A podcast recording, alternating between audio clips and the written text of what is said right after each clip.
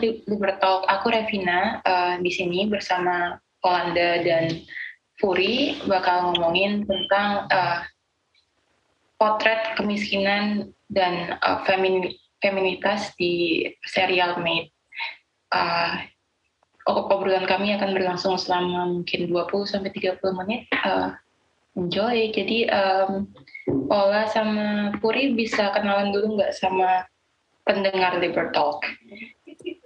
Oke, halo teman-teman Liber Talk semuanya. Aku Olanda, aku dari FH 2020 angkatan COVID. aku di sini bareng Furi. Furi boleh kenalan? Oke, halo semuanya pendengar Liber Talk. Uh, aku Furi dari Basindo 2020 sama uh, angkatan COVID. Tahu kenal. Iya, yeah, sama ya. Akan enjoy guys. Sedih banget angkatan COVID. Jadi walaupun aku udah kenal Furi sama Ola setahun gitu teman-teman, aku belum pernah ketemu mereka. Jadi doain. Iya loh. doain kita bisa ketemu beneran beberapa bulan amin. lagi. Amin. Tapi tetap kayaknya unlikely tapi amin bisa. Oke, okay, kita mulai aja uh, podcastnya. Jadi untuk uh, series Libertalk kali ini kita bakal ngomongin Made. Made itu series uh, tentang kemiskinan di Amerika. Ada di Netflix kalau teman-teman mau nonton nanti atau yang udah nonton pasti udah tahu kalau itu di Netflix. Ini seriesnya lumayan high profile gitu ya katanya buat Netflix. Terus banyak uh, bintang-bintang Hollywood yang tenar gitu di sana. Ada Nick Robinson, ada Anika Noni Royce, Rose ada uh, Andy McDowell aku suka banget Andy McDowell uh, kalau teman-teman ada yang nonton filmnya bareng Hugh Grant for apa Weddings and Funeral juga bagus. Tapi beda banget sih sama Maid anywho uh, untuk memulai pembicaraan kita tentang Maid dan uh, identitas keperempu keperempuanan dan kemiskinan uh, Puri bisa jelasin dikit gak emang Maid ini ceritanya tentang apa sih jadi serial Made ini uh, bercerita tentang seorang perempuan yang memperjuangkan kesejahteraan dia dan anak perempuannya. Uh, serial ini mengadaptasi dari buku Made, uh, Hard Work, Low Pay and Mother's Will to Survive karyanya Stephanie Land. Uh, ini sangat syarat akan kompleksitas kesejahteraan perempuan nih teman-teman. Dan kemiskinan struktural ditambah dengan kasus kekerasan emosional oleh pasangan hingga perjuangan meraih cita-cita dan kasih sayang yang melimpah dari seorang ibu kepada anaknya tuh membawa penonton tuh bisa larut gitu loh dalam kompleksitas yang dihadapi oleh uh, pemeran utamanya sebenarnya terlalu banyak hal yang dapat disoroti dalam satu serial ini ya. Karena pada dasarnya serial ini tuh meniru atau mimesis terhadap real universe gitu. Didukung dengan penggarapan si sutradaranya yang apik sehingga kompleksitas di dunia nyatanya tuh tertuang penuh gitu loh dalam serial ini. Jadi uh, seperti yang aku bilang tadi terlalu banyak hal yang dapat disoroti dalam satu serial ini Cuman uh, memang dari sekian banyak persoalan itu uh, ada satu hal terkait kemiskinan yang menarik bagi kita yang nanti akan kita omongin lebih lanjut. Jadi itu sih penjelasan sedikit tentang uh, serial Made si Kak Revina. Oke okay deh Furi. Uh, terus kalau misalnya dari uh, satu series ini, menurut kamu adegan yang paling memotret kayak oh ini benar-benar memotret dalam bagus dalam singkat potret kekerasan seksual tuh adegan yang gimana? Kalau boleh milih salah satu gitu. Menurutku ada satu scene di mana uh, si sutradara atau direkturnya tuh nyorot dinding. Jadi di rumahnya si tokoh utama dan uh, ya tokoh utama itu sama pasangannya tuh ada dinding yang bolong gitu loh di situ tuh belum dijelasin sebenarnya uh, itu kenapa kok dinding bisa bolong gitu. Dan di episode selanjutnya atau di adegan berikutnya ternyata uh, dinding itu bolong karena uh, dipukul gitu atau dilempar sesuatu sama si pasangan yang melakukan kekerasan emosional terhadap tokoh utama itu tadi. Jadi menurutku di situ enggak banyak dialog bahkan enggak ada dialog tapi kayak dalam banget gitu oh itu adalah potret atau bukti bahkan dari kekerasan emosional yang dilakukan uh, salah satu tokoh gitu. Keren, keren, keren. Jadi dari tadi Furi udah banyak banget ngomongin tentang kemiskinan struktural yang yang banyak di disentuh sama seri ini sama serial ini. Nah, uh, kalau menurut uh, Ola gitu mungkin atau Furi Furi mau jawab gitu ya. Uh, definisi, definisi kemiskinan yang di apa dibingkai sama series ini tuh yang mana sih gitu? Kemiskinan macam apa? Apakah seriesnya juga menjelaskan tentang kenapa kemiskinan ini terjadi dan kemiskinan ini ada hubungannya sama isu isu apa yang lain isu isu lain apa gitu? Iya um, pertama-tama uh, pas aku pertama kali nonton tuh memang emotional abuse tuh bener-bener kerasa banget kalau teman-teman bakal nonton tuh. Apa ya gregetan gitu sih. Dengan kedua pihaknya juga mau dari pihak si Sean-nya, si laki-lakinya, si pacarnya atau enggak si Alex-nya the main character. Uh, tapi uh, benar memang um, banyak kom kompleks masalahnya kalau soal Mate ini atau tentang si Alex ini. Karena memang um, menurut aku kemiskinan yang dipotret di serial Made ini tuh banyak aspeknya. Nggak cuman karena um, dari Furi udah uh, nge-research kalau misalnya kemiskinan tuh ada berbagai macam aspek juga. Karena kan kalau kita biasanya dengar kemiskinan tuh langsung secara literal gitu ya langsung secara literal kayak kemiskinan secara materi. Padahal sebenarnya uh, bisa dibilang kemiskinan itu something that we don't have atau something that we lack of having gitu kan. Dan mm-hmm. menurut aku dia juga nggak punya emotional support nggak punya family support. Dan jadi dari situ kayaknya kita bisa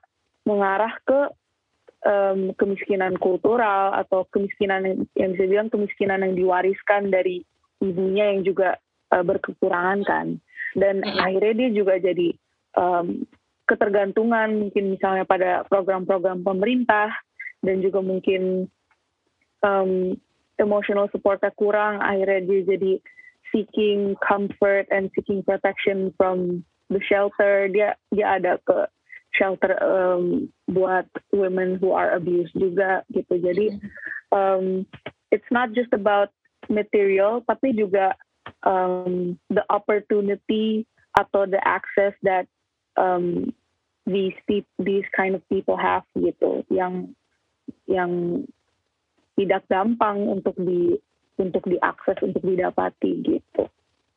Keren keren.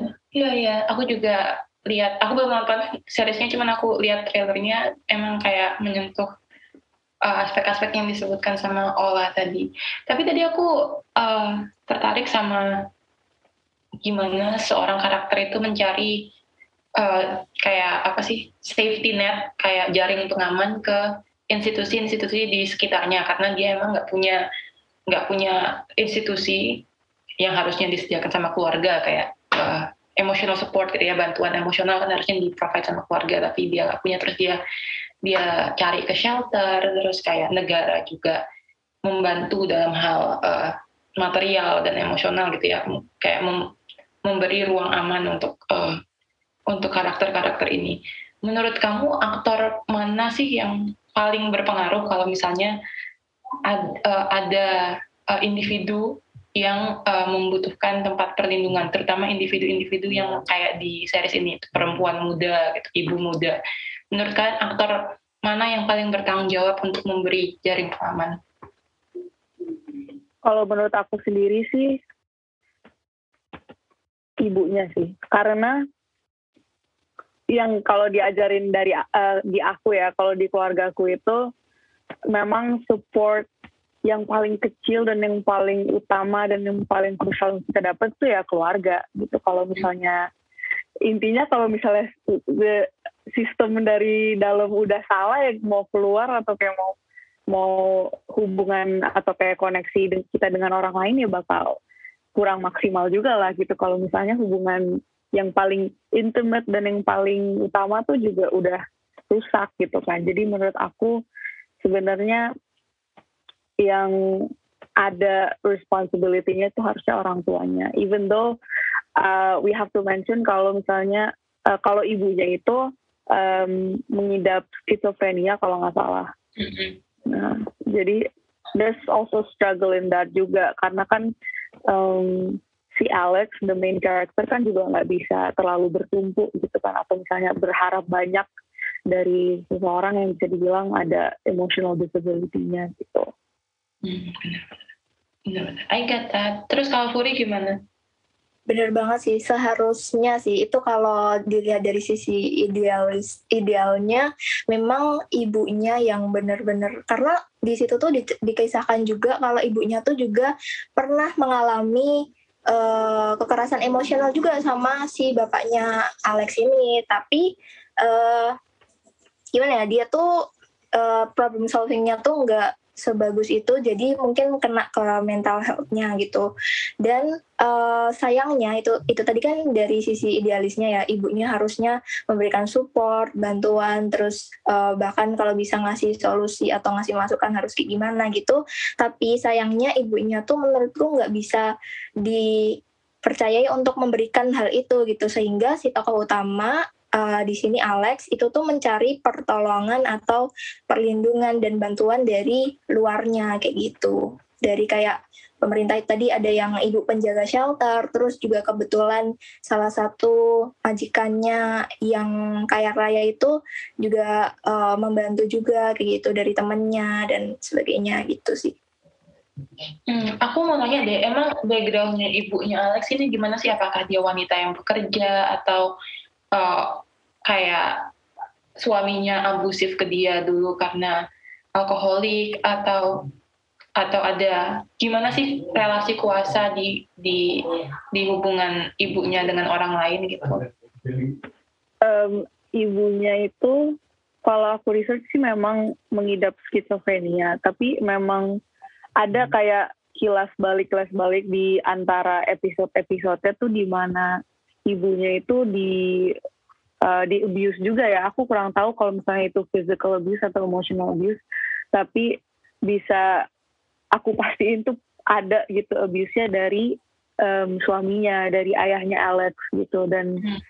kayaknya itu juga berpengaruh juga dan kayaknya dia orangnya tuh yang nggak mau nggak mau get help gitu jadi yang memang hmm. dip, dip, dipendem aja gitu kalau misalnya atau mungkin bahkan dia nggak tahu kalau selama selama itu dia tuh di abuse gitu. Dan um, itu sih yang bikin sedih kalau misalnya memang orang-orang merasa ada yang kurang di relation di relationshipnya di keluarganya tapi kayak nggak merasa nggak merasakan butuhan butuh bantuan gitu atau merasa not enough atau merasa nggak cukup untuk kayak dibantu orang gitu. Jadi I think ada ngaruhnya juga uh, dari sisi emotional abuse atau physical abuse dari suaminya gitu. Oke okay, oke. Okay. Aku nangkepnya dari apa yang kalian jelasin itu ini karena uh, kekerasan dalam rumah tangga itu tidak mendapat tempat yang uh, atas gitu dalam prioritas negara untuk uh, menyelesaikan masalahnya karena dianggap normal gitu ya. Ya udah kan uh, masalah keluarga ya stay masalah keluarga walaupun kita tahu kalau dalam suatu keluarga ya dinamika kuasanya tidak sama gitu ya timpang kan. Karena uh, laki-laki selalu kadang-kadang bukan kadang dalam banyak kasus merasa kalau mereka punya kuasa terhadap tubuh perempuan. Jadi kayak uh, aku uh, mungkin dari series ini bisa di di uh, dipotretkan kalau walau ya memang karena itulah uh, karena kekerasan dalam keluarga itu tidak mendapat tempat prioritas dalam diskursus uh, masalah sosial kita, harusnya kita ini apa kayak memberikan perhatian lebih ke uh, pembangunan tempat-tempat berlindung untuk perempuan-perempuan ini. Jadi kayak wouldn't you guys agree karena kalau misalnya bayangin kalau misalnya Alex atau mamanya nggak punya tempat untuk berlindung gitu kayak gimana gitu dan dan penting untuk uh, apa namanya negara atau orang sekitar negara sih penting untuk kita menuntut negara untuk memberikan tempat-tempat berlindung ke perempuan-perempuan yang kayak gini gitu. karena karena sedih nggak sih kayak oh, satu kayak membayangkan kalau di kehidupan modern sekarang perempuan yang dulunya punya support system dalam membesarkan anak gitu ada nenek ada teman-temannya atau ada saudari saudari saudarinya untuk membesarkan anak sekarang di di diisolasi bebannya ke dia doang yang dianya aja di abuse sama pasangannya kayak gitu that's that's a horrific thing for me kayak ngedengar kalau cerita-cerita kayak gini tuh banyak dan tidak di tidak disorot uh, kayak gitu. Uh, menurut kalian uh, cerita-cerita kayak gini kalau misalnya di Indonesia itu udah banyak disorot apa enggak dan apakah perlu untuk disorot kayak gitu? Gimana Puri? Um, kalau soal kemiskinannya sih ya itu tuh memang uh, ya seperti yang kita tahu kemiskinan tuh selalu jadi kayak setiap tahunnya tuh ada aja gitu loh masalah kemiskinan di Indonesia gitu bahkan di apa kemiskinan tuh selalu nggak pernah absen dari perdebatan kalangan intelektual akademisi praktisi LSM terus mahasiswa juga uh, banyak tuh disku, diskusi atau konsol mahasiswa tentang isu uh, kemiskinan gitu di agenda-agenda mereka dan atau mungkin lebih konkretnya lagi terkait tuntutan yang akhir-akhir ini lagi terjadi nih tuntutan uh, upah minimum provinsinya di IE yang dianggap terlalu miris gitu rendah gitu terus jadi di, di, di kursus tentang kemiskinan ini terus dilakukan karena dampaknya tuh luar biasa yang dihadirkan oleh kemiskinan tersebut hingga hingga kini seperti yang kita ketahui itu belum ada solusinya gitu terkait masalah tersebut. Terus kalau soal yang kekerasan rumah tangga itu memang benar banget menurutku itu terjadi di mana aja ya. Uh, di mana memang negara tuh nggak memprioritaskan uh, kasus tersebut uh, sebagai apa ya kayak hal yang urgent dan harus segera ditangani begitu. Karena dari pembuktiannya gitu atau ya pembuktian kasus tersebut tuh memang agak cukup susah gitu. Karena salah satu cuplikan atau scene dari uh, Maid sendiri itu ada nih setelah di si Alex ini atau tokoh utama perempuan terkena kekerasan emosional. Jadi nggak ada luka fisik atau apa pun cuman kekerasan emosional gitu uh, dia tuh sebagai perlindungan dirinya dia kan kebingungan ya kayak malam-malam gitu terus suaminya marah-marah anaknya tidur dia harus ngapain sedangkan dia dirinya sendiri tuh ketakutan dan nggak ada uh, dia nggak tahu harus minta tolong ke siapa gitu. Akhirnya dia kabur uh, bentuk impulsifnya dia tuh kabur on, dengan anaknya mbak anaknya dan uh, sayangnya uh, kecer karena kecerobohan dia itu tuh uh, kayak kena karena kepik, uh, pikirannya masih kacau gitu kan. Jadi dia ada mengalami ke kecelakaan. Jadi uh, balik lagi. Karena kasus yang pertama tentang kekerasan apa ya kekerasan emosionalnya belum selesai malah dia yang difitnah atau kena masalah karena uh, dituduh membahayakan anaknya karena membawa kabur tanpa izin suami. Terus uh, ternyata juga uh, sialnya kena kecelakaan. Jadi kayak kesannya si Alex tuh malah yang salah gitu membahayakan anaknya dan dirinya sendiri dan juga nggak patuh atau nggak taat sama si suaminya. Ya balik lagi sih tadi patriarki. Padahal kan un, uh, itu dilakukan dia untuk apa ya melindungi dirinya sendiri kayak gitu. Tapi balik lagi si hukum ini atau uh, dalam scene made ini adalah polisi ya yang menyelidiki itu. Dia bodo amat gitu loh ada mau dia apa sih mau dia dalam rangka melindungi diri kayak atau iseng-iseng keluar malam terus kecelakaan kayak tapi yang dilihat itu ya tadi uh, dia si Alex ini membahayakan anaknya uh, dengan membawa kabur dan kecelakaan kayak gitu. Jadi menurutku memang di mana-mana bahkan di Indonesia juga soal isu kekerasan rumah tangga baik emosional maupun fisikal ini masih kurang dilihat dan kurang diperhatikan kayak gitu sih. Hmm, aku aku setuju banget sih. Aku melihatnya ini perempuan tidak dilihat sebagai suatu individu yang punya agensi gitu. Jadi kayak uh, nilai dari perkataan perempuan itu dilihat dari uh, relasinya ke orang lain. Jadi kayak misalnya perempuan itu nggak dilihat sebagai dirinya aja, tapi dilihat dari dia harus dia gimana ke orang lain gitu. Kayak kamu sebutkan tadi. Jadi uh, testimoninya tentang kekerasan harus dilihat dari hubungannya apa sih sama anaknya hubungannya apa sih sama suaminya. Jadi kayak she cannot stand on his on her own gitu. Jadi kayak dia tidak terisolir uh, testimoninya. Jadi kayak oke okay, kamu ngomong ini tapi apa sih uh, dampaknya apa yang kamu lakukan ke anakmu atau apakah kamu dapat uh, persetuju persetujuan dari dari suamimu. Jadi aku ngelihatnya kayak perempuan nggak punya agensi atas dirinya sendiri kayak tidak diakui oleh negara sebagai sesuatu se, seorang yang punya punya agensi. Dan uh, nilainya selalu dilihat dari hubungannya dari orang lain de, dengan orang lain. Kayak gitu sih aku ngeliatnya which is like uh, very disheartening.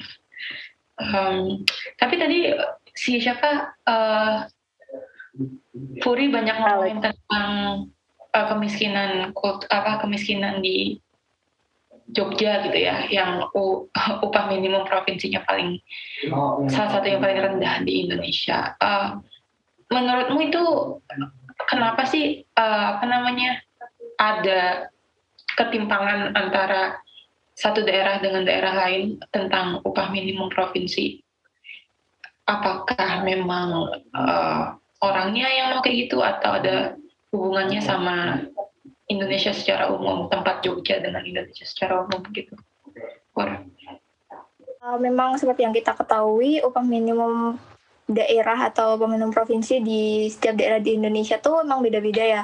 Dan sayangnya banget Jogja yang dijuluki sebagai mungkin kota pelajar kota yang wisatanya bagus, yang wisatanya wisat pariwisatanya keren kayak gitu malah uh, dapat upah minimum yang uh, di bawah dari kota-kota yang lain gitu. Dan menurutku uh, juga ada beberapa memang aturan yang mengatur tentang upah minimum itu sendiri sih di Indonesia memang. Dan di setiap daerah tuh beda-beda karena persebaran industrinya. Jadi misal di Jakarta atau di Karawang deh industrinya kan maju banget nih industri apa sih kayak pabrik gitu banyak kan ya dia di sana. Terus jam kerjanya karyawannya juga uh, karena dia mostly banyak pabrik-pabrik banyak karyawan di sana dan jam kerjanya tuh lebih tinggi. Mungkin dari um, dari daerah lain jadi dia di sana tinggi gitu. Sedangkan di Jogja entah kenapa uh, industrinya mungkin dilihat dari pariwisata di mana banyak uh, warga asing atau banyak turis-turis gitu berdatangan. Tapi sehingga uh, dari uh, jam kerja karyawan perharinya itu dianggap rendah kayak gitu. Gitu sih. Itu mungkin yang menyebabkan aku juga kurang mendalami riset soal UMP Jogja ini tapi uh, mungkin itu sementara yang bisa aku jelasin tentang UMP yang beda-beda di Indonesia.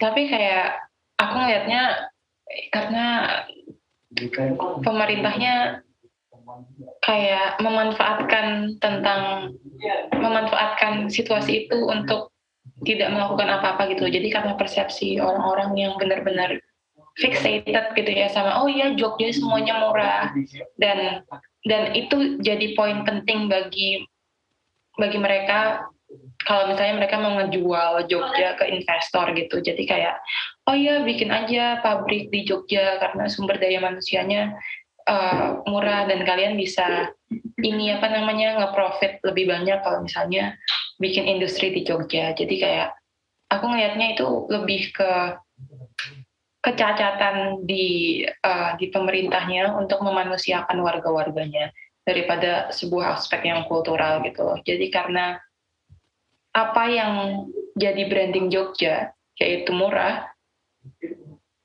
ya harus mereka realisasikan gitu ya untuk mendapatkan profit gitu dan dan ya mereka nggak mau UMP-nya dinaikkan karena karena nggak nggak sesuai brand lagi nanti kalau misalnya dinaikkan gitu. dan ya dan itu tadi aku baru ngobrol sama Ola tentang hal ini kayak it's such a juxtaposition gitu loh. Jadi kayak sebuah juxtaposisi yang aneh. Karena Jogja tidak kekurangan uh, kayak sumber daya manusia yang intelektual gitu. Kita punya UGM di Jogja, tapi kenapa uh, untuk menjadi pekerja di Jogja itu UMP-nya rendah banget dan dan berarti kan kayak kekayaannya numpuk di atas gitu loh. Jadi kayak ada gap antara kaum terpelajar sama kaum yang tidak terpelajar.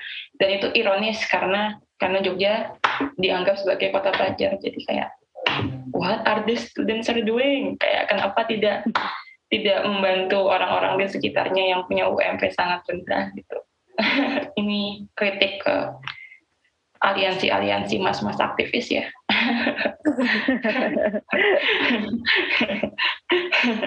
Oke, okay, um, oke. Okay, jadi kembali lagi ke Mate karena kita udah ngomongin Jogja.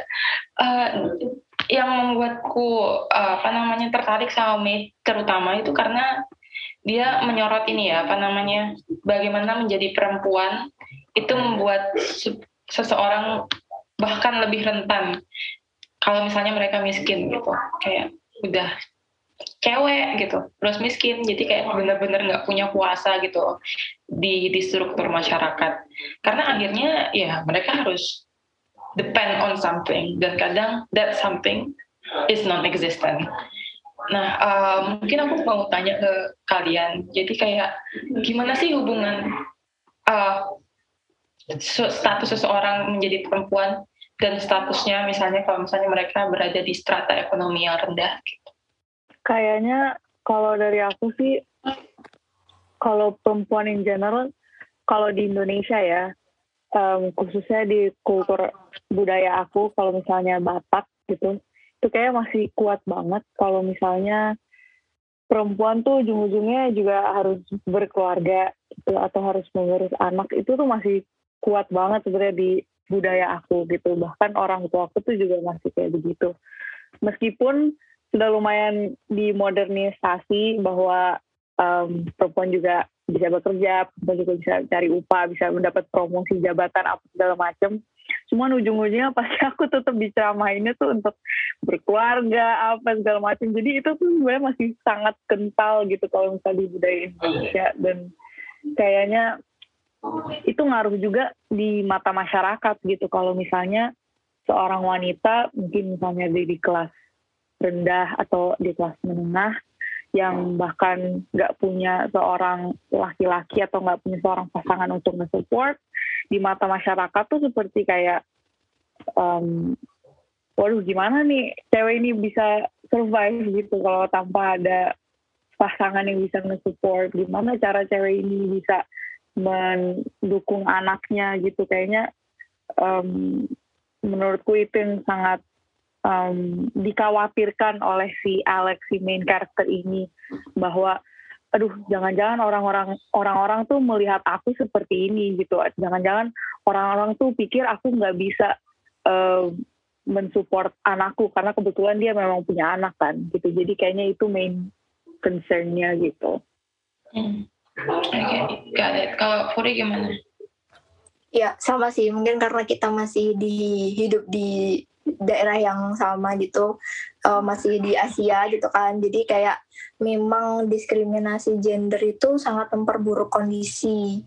Uh, apalagi kalau ditambah udah udah perempuan terus uh, tingkat ekonominya rendah kayak gitu tuh nanti sangat apa ya menambah apa ya menambah orang-orang yang pro terhadap patriarki itu uh, ketawa-tawa gitu loh. Uh, ya kan kalian atau perempuan memang nggak bisa nih hidup sendiri harus bergantung sama laki-laki ekonominya uh, harus bergantung sama orang lain terutama kaum uh, laki gitu bahkan ada yang lebih ekstrim lagi uh, ketika perempuan itu pengen uh, berdikari gitu kan pengen mandiri pengen berusaha apa ya setidaknya punya kedudukan yang sama deh misal di aspek uh, pendidikan gitu. Malah ada yang sampai ngelarang ngapain sih uh, sekolah tinggi tinggi nanti ujung ujungnya juga di uh, urusan domestik kayak gitu. Paling nanti juga jadi ibu rumah tangga. Kayak uh, keinginan tersebut tuh wasting time si perempuan. Jadi lebih uh, yang orang-orang patriarki yang ekstrim tadi uh, sampai ngelarang gitu loh. Nggak usah nggak usah sekolah, nggak usah kuliah atau gimana gitu. Nanti langsung aja kalau di desa-desa kan masih kayak gitu ya uh, budayanya langsung dicariin cowok atau cariin laki-laki yang udah mapan menurut mereka secara ekonomi sehingga uh, perempuan tinggal manut tinggal iya iya aja kayak gitu nggak bisa tuh dia speak up kepengenannya dia sendiri tuh kayak apa gitu hmm. Oh iya itu itu itu nggak cuma di Indonesia sih kayaknya masih secara umum ya, ada secara umum. Yeah. walaupun menurutku di Amerika juga kayak gitu. Jadi kayak menurutku intinya itu ada dua kalau misalnya di pembicaraan ini. Kayak kalau my take on it itu satu perempuan itu dilihat sebagai seseorang yang uh, suatu gender yang harus uh, mem, kayak terbebani akan uh, tanggung jawab membesarkan anak. Gitu. kayak pasti kayak kalau misalnya anaknya gimana gimana yang disalahkan ya cewek gitu. Yang disalahkan ibunya gitu. Padahal kayak ya sebenarnya tanggung jawab untuk membesarkan anak, tanggung jawab untuk uh, mengurus dan attend to its needs ya juga suaminya gitu.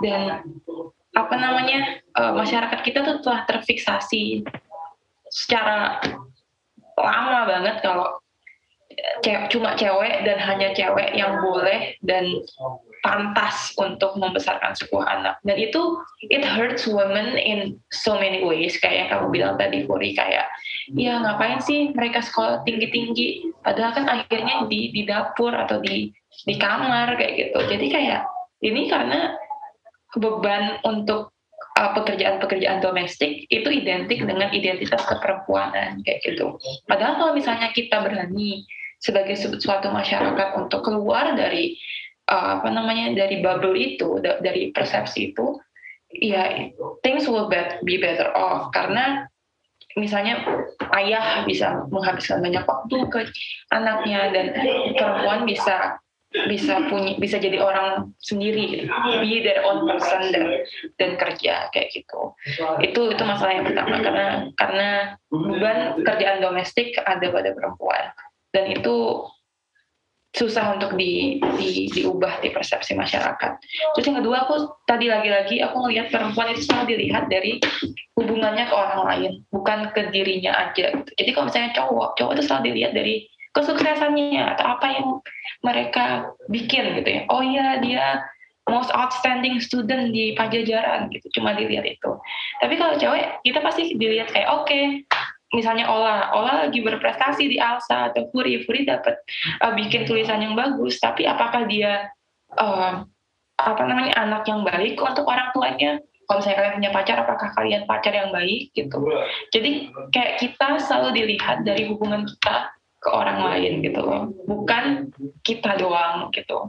Dan itu tuh gap yang paling membedakan antara cewek dan cowok sih menurutku kayak kita tidak dilihat sebagai sesuatu eh, seseorang yang punya agensi. Jadi ini juga masalah agensi. Aku aku ngebacanya situasi ini juga masalah agensi. Jadi kalau misalnya dalam kemiskinan struktural, uh, perempuan di, dimiskinkan dalam dua hal, kemiskinan akses dan kemiskinan yang disebabkan oleh uh, apa namanya ketimpangan relasi kuasa gender gitu dan dan itu banyak itu jadi masalah yang selalu harus kita hadapin gitu. Uh, kalian pernah ini nggak apa namanya dengar kalau gimana seorang cewek itu meniti karir itu selalu dilihat berdasarkan gimana nanti kapan dia jadi ibu atau kapan dia jadi istri gitu. Kayak kalian kalau ngumpul-ngumpul pasti nggak pernah ditanyakan kayak sama teman-teman cewek kalian atau cowok kalian atau kayak keluarga kalian kayak oh iya Ola mau jadi pengacara nanti tinggal di mana? Atau kayak Ola mau umur berapa? Sukses jadi pengacara. Pasti dilihat kayak iya mau nikah tahun berapa tahun gitu mau punya anak umur berapa? Gitu. Jadi kayak apa yang masyarakat ekspektasikan ke kita tuh beda sama apa yang cowok eh, masyarakat ekspektasikan ke cowok. Yang mereka ekspektasikan ke cowok eh, oh iya nanti punya mobil ya umur segini punya rumah umur segini gitu. Tapi nggak pernah jarang gitu cowok ditanya mau punya anak umur berapa? Gitu. Jadi kayak it further cemented the idea kalau kita cuma dilihat dari relasi kita ke ke orang lain bukan dari kita sendiri gitu sih aku ngelihatnya Kalau kalian lihat yeah. gimana tentang pertanyaan-pertanyaan kayak gitu? Karena itu it's it's bugging me, it's bugging the hell out of me. Pertanyaan kapan nikah tuh sangat-sangat banyak ya kalau buat cewek menurut aku.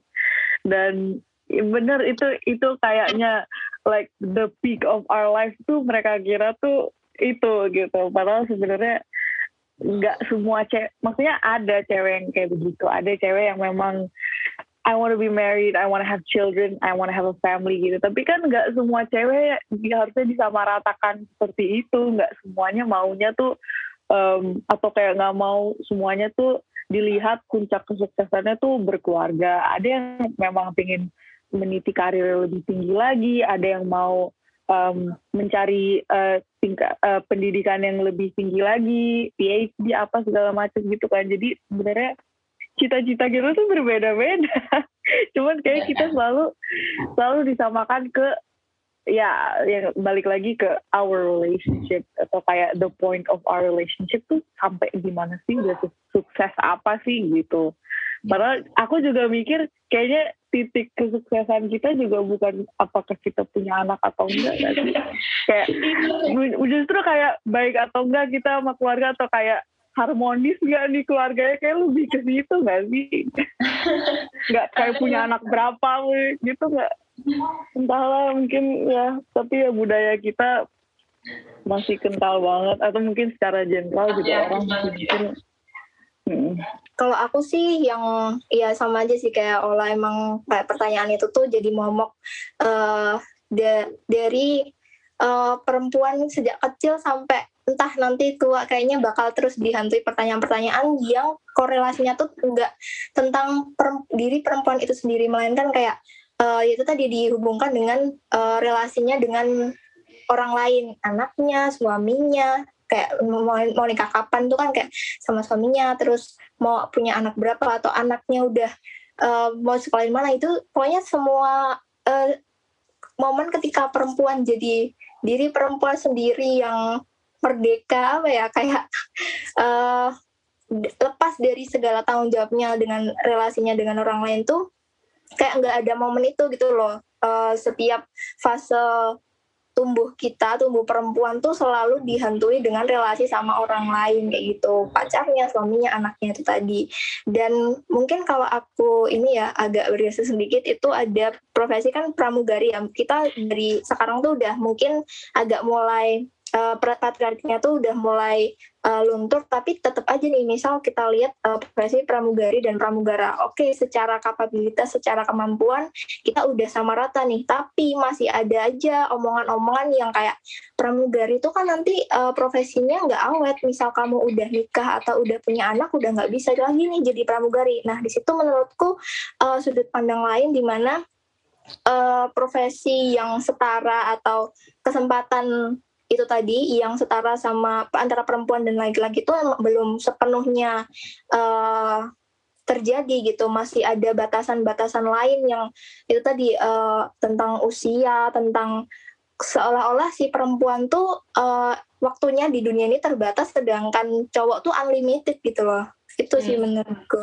Iya iya nggak sih Puri? Aku juga ngeliatnya kayak iya apa namanya perempuan itu didefinisikan uh, atas kemudaannya gitu kayak how young she is kayak bagaimana dia berkontribusi ke masyarakat itu dilihat dari betapa apa bergunanya mereka kalau misalnya berkontribusi ke masyarakat secara umum gitu. Jadi kalau misalnya as as soon as she get married kayak setelah dia menikah dia udah nggak bisa nggak bisa melakukan apa yang mereka mau lakukan. Karena mereka sekarang punya kewajiban lain yaitu kewajiban untuk suami dan anak. Dan ya lagi-lagi kayak kenapa sih beban domestik ini selalu dibebankan ke perempuan gitu? Padahal ya bisa sebenarnya kalau misalnya secara masyarakat kita memutuskan untuk kayak oke okay, sekarang cowok yang membesarkan anak gitu. Ini sebenarnya bisa. Tapi kayak kita kita nggak nggak mau. Padahal kayak kayak it hurts women in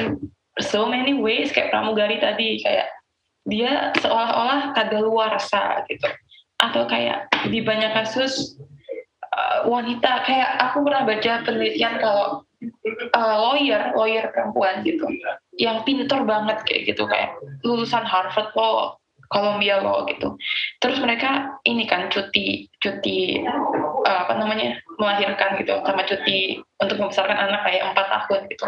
Waktu mereka masuk ke ke profesi itu lagi, ya mereka otomatis sudah ketinggalan dong sama teman-temannya yang yang lain gitu kan teman-teman cowoknya karena teman-teman cowoknya nggak kehilangan empat tahun ini. Bayangkan kayak cewek dibebankan untuk menghilangkan empat empat tahun produktif mereka untuk anaknya gitu kayak ya itu juga memiskinkan cewek kan kayak gitu karena beban domestik dilihat cuma untuk cewek padahal bisa aja suaminya yang ambil cuti kayak gitu jadi kayak it's it's bugging me aku kayak oh my god kayak uh, rupanya kayak nilai kita juga didefinisikan tentang eh didefinisikan dari bagaimana uh, masyarakat menilai kita dalam aspek menjalin hubungan dan seberapa banyak kita berkorban untuk orang lain.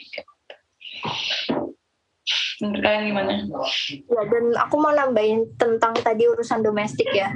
Itu kan uh, kayak berkutat dengan dapur yang mana itu tuh uh, menurut tuh ya urusan-urusan domestik itu sebenarnya adalah basic life yang basic life skill yang seharusnya di kedua gender gitu loh. Kayak nggak cuma perempuan yang harus bisa masak tapi kayak masa laki-laki nggak bisa masak tuh harusnya juga menjadi pertanyaan uh, kamu atau kalian laki-laki untuk memenuhi uh, kebutuhan dasar kalian yaitu pangan aja nggak bisa gitu loh. Nggak bisa bikin sendiri itu uh, juga patut dipertanyakan. Nggak cuman untuk perempuan aja yang selalu diolok kalau nggak bisa bedain jahe bumbu-bumbuan di dapur tuh jadi kayak uh, sangat ketertinggalan gitu loh untuk perempuan gitu. Terus juga tentang sumur nih mencuci bersih bersih itu kan juga basic skill yang kayaknya semua manusia tuh harus punya gitu loh. Masa bersih bersih juga harus bergantung dengan orang lain kayak gitu. Jadi jadi menurutku uh, harusnya ya uh, masyarakat tuh mulai meluruskan lagi nih uh, logika mereka tentang kebutuhan dasar atau urusan-urusan uh, domestik nih harusnya ditimpakan uh, dibebankan untuk kedua gender gitu. Karena itu kayak bukan soal perempuan atau laki-laki melainkan uh, untuk uh, hidupnya mereka sendiri itu untuk manusia gitu. Mereka harus makan ya berarti mereka bisa masak sendiri. Terus mereka harus uh, supaya bisa hidup bersih ya harus bisa nyuci-nyuci sendiri bersih-bersih sendiri kayak gitu. Hmm. bukan untuk partnernya atau siapanya kayak gitu sih. Benar-benar jadi kalau dari dari apa yang kita omongin dari tadi sebenarnya cowok tuh lebih manja ya daripada cewek gitu. Jadi kayak this whole time kita selalu dianggap manja gitu. No we don't. We did we they've done everything. Kalian yang manja kalian dari dulu diurus ibu nanti kalau misalnya nikah diurus istri. Jadi kayak hmm, siapa yang manja iya dia nggak cuma pindah orang. tapi kayak ini juga jadi masalahku yang kayak di Twitter tuh selalu kayak apa banyak yang ber kayak eh, ngomong-ngomong tentang kayak iya kita perlu perempuan untuk pendidikan tinggi untuk apa punya pendidikan tinggi. Karena ya siapa sih yang nggak mau punya ibu yang pinter gitu? Ini lagi-lagi kayak it, it bothers me karena balik kayak, lagi. balik lagi karena ya enggak intinya punya pendidikan bukan bukan untuk jadi ibu pinter ya karena Jesus fucking Christ kayak oh, oh. Jadi kayak oh my god aku kayak ya Allah sekolah tinggi tinggi balik masih ke aja gitu. masih aja ditekanin ke kerana domestik orang-orang ini jahat banget sih sama cewek kayak gitu. Jadi kayak kita dimiskinkan dalam segala aspek gitu dari ekspektasi-ekspektasi ini. Dan itu juga yang kalian omongin dari tadi tentang series mate gitu yang benar-benar memotret kalau cewek itu benar-benar dimiskinkan oleh struktur gitu kayak struktur patriarki dan struktur uh, struktur sosial gitu ya yang yang ada hubungannya sama sama negara gitu bagaimana negara memiskinkan masyarakatnya apalagi dalam dalam uh, dalam omongan ini memiskinkan perempuan Uh, ini kayaknya kita udah lumayan lama ngobrol-ngobrolnya. Kalian uh, take terakhir dari kalian tentang kemiskinan perempuan uh, kemiskinan dan perempuan itu apa? Kola atau Puri? Kalau mau dulu. Oke, okay, mungkin aku dulu kali ya. kalau secara general mau teman-teman udah nonton serial ini atau belum, kayaknya it's safe to say that in every aspect of life atau misalnya apa pun yang kita lihat dalam kehidupan ini tuh ada dua sisi. Apa pun tuh ada dua sisinya gitu. Dan menurut aku hmm, khususnya tentang kondisinya Alex atau misalnya kemiskinan secara general ya maupun di Indonesia atau di luar itu banyak stigma atau miskonsepsi soal um, oh orang-orang yang di kemiskinan itu ya akibat uh, ya penyebabnya mereka sendiri karena mereka males karena mereka nggak mau kerja lah karena mereka apa. Padahal sebenarnya tuh banyak alasan lain di belakang itu dan kayaknya serial made ini tuh menekankan oh ini ini loh salah satu alasannya gitu. Ada ibunya yang mengidap uh, disabilitas skizofrenia, ada yang uh, pacarnya pemabuk dan harus mensupport uh, cewek ini harus mensupport anak apa segala macam. Jadi setiap kehidupan orang tuh banyak kompleksitasnya yang be, berpengaruh ke uh, jadinya mereka tuh berkekurangan gitu. Jadi nggak nggak selalu meskipun ada juga alasannya karena mereka mau kerja dan apa segala macam, tapi um, kita nggak bisa nggak bisa lagi tuh langsung mengarah ke situ pemikirannya gitu karena memang banyak struggle yang mungkin kita nggak bisa pahami gitu. Jadi I think in general kita lebih baik kita treat as equal semuanya gitu. Nggak usah kita berpikiran yang bagaimana gimana terhadap ya terhadap orang secara general lah gitu. I think we're we're gonna have a better world and a better place kalau misalnya we treat each other better gitu. Dan um, uh, di sini juga di serial ini juga ditekankan sih soal sistem pemerintahan yang menurut aku sangat-sangat um, lemah. Karena ada ada juga satu um, kalimat yang si Alex omongin di salah satu episode ini. Jadi dia bilang in order to get a job, I have to have daycare for my kid, but I need to get a job.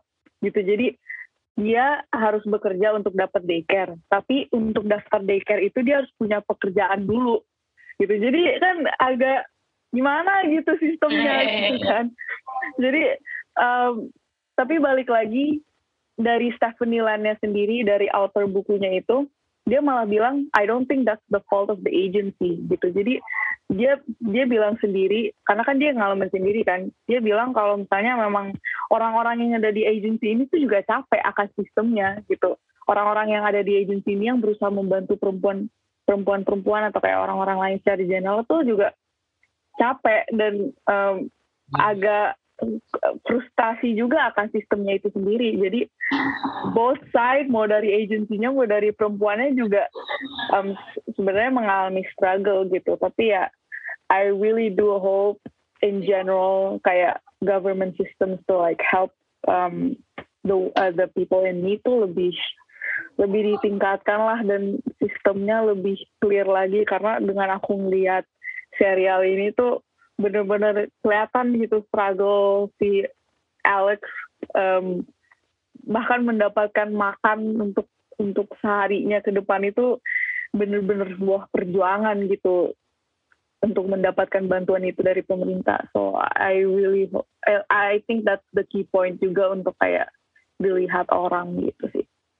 Okay. So I think that's my two key points kalau dari. Oke oke. Okay, okay. Jadi kayak ya jadi bagi sobat-sobat kerja keras di luar sana. Jadi kayak you cannot just say orang miskin itu karena tidak kerja keras karena ya mereka mengalami banyak apa namanya kekerasan struktural yang uh, meng, kayak hinder mereka uh, membatasi mereka untuk bahkan uh, makan besok gitu. Jadi boro-boro mengembangkan diri, gitu. makan besok aja mereka belum tahu kayak gitu. Jadi susah untuk keluar dari lingkaran setan. Uh, apalagi untuk perempuan-perempuan yang punya anak dan miskin gitu. Uh, Furi gimana Fur? Jadi menurutku uh, Alex di serial Made itu tuh benar-benar jadi cerminan bahwa perempuan tuh bisa loh tanpa support siapa pun tapi dia tetap bisa struggle untuk kebutuhan hidupnya gitu. Ya meskipun banyak perjuangan yang dilakukan si Alex ya kayak tapi dia tuh benar-benar lost gitu loh nggak dapat support dari orang tua baik bapak ibunya dari pasangannya juga kayak gitu terus dia masih ada beban uh, untuk menghidupi dirinya dan beban ganda menghidupi dirinya dan anaknya gitu juga support dari negara yang mungkin agak sulit dan berbelit-belit didapat kayak gitu. Jadi tapi dia berhasil gitu loh bahkan di endingnya, ups ini spoiler sih. Tapi kayak pokoknya dia tuh bisa gitu loh, akhirnya uh, memenuhi bahkan dia juga bisa akhirnya um, be, apa menempuh pendidikan juga kayak gitu kan. Jadi menurutku uh, bukan hal yang nggak mungkin kok si perempuan itu di di tempat mana pun di mana pun di dunia ini perempuan tuh bisa sebenarnya kalau dia tuh ada kemauan dan mau berusaha kayak gitu untuk memenuhi kebutuhannya sendiri bahkan uh, hidup mandiri kayak gitu tanpa bergantung dengan laki-laki atau um, orang tua kayak gitu. Cuman memang uh, support dari partner atau uh, keluarga nenek, ibu, orang tua gitu-gitu memang uh, sangat mendukung ya kalau bisa sih ada gitu loh. Jadi kita sama-sama kayak support satu sama lain sehingga si perempuan itu dalam uh, memenuhi kebutuhannya tuh juga nggak struggle-struggle amat kayak gitu sih. Jadi ini ya apa namanya? It takes a village to raise a child dan dan perempuan di masa modern tercerabut dari support system itu. Makanya ada orang-orang kayak orang-orang kayak Alex gitu yang yang benar-benar scrapping for for food and for jadi bisa bi biar bisa kayak ngais makanan untuk bisa ngelihat hari baru ke depan kayak gitu. Dan itu memiskinkan perempuan karena dia tidak bisa mengaktualisasikan diri karena harus mikir banyak dan dimiskinkan oleh sistem. Anyway, jadi uh, mungkin itu aja dari aku, Ola dan Furi uh, untuk edisi Libertalk kali ini yang ngomongin tentang cewek, tentang uh, posisinya di masyarakat, apalagi cewek di posisi masyarakat yang kelas bawah gitu ya kayak di series Made. Dan itu tidak cuma di Amerika Serikat di mana Made itu uh, apa namanya melatar belakang eh, latar belakangnya di Amerika tapi juga ini masalah yang global gitu ya. Jadi kayak cewek dimiskinkan secara global. Bayangin kayak satu gender dimiskinkan satu dunia gitu. Serem banget. Uh, itu aja uh, teman-teman Libertalk. Jadi kalau misalnya kalian tertarik untuk dengar Libertalk yang lain, uh, follow Spotify-nya Libera. Uh, sampai ketemu di Libertalk uh, edisi selanjutnya. Dadah, aku sama Furi sama Ola mengundurkan diri. Have Thank you semuanya. Dadah. Thank you Libertalk.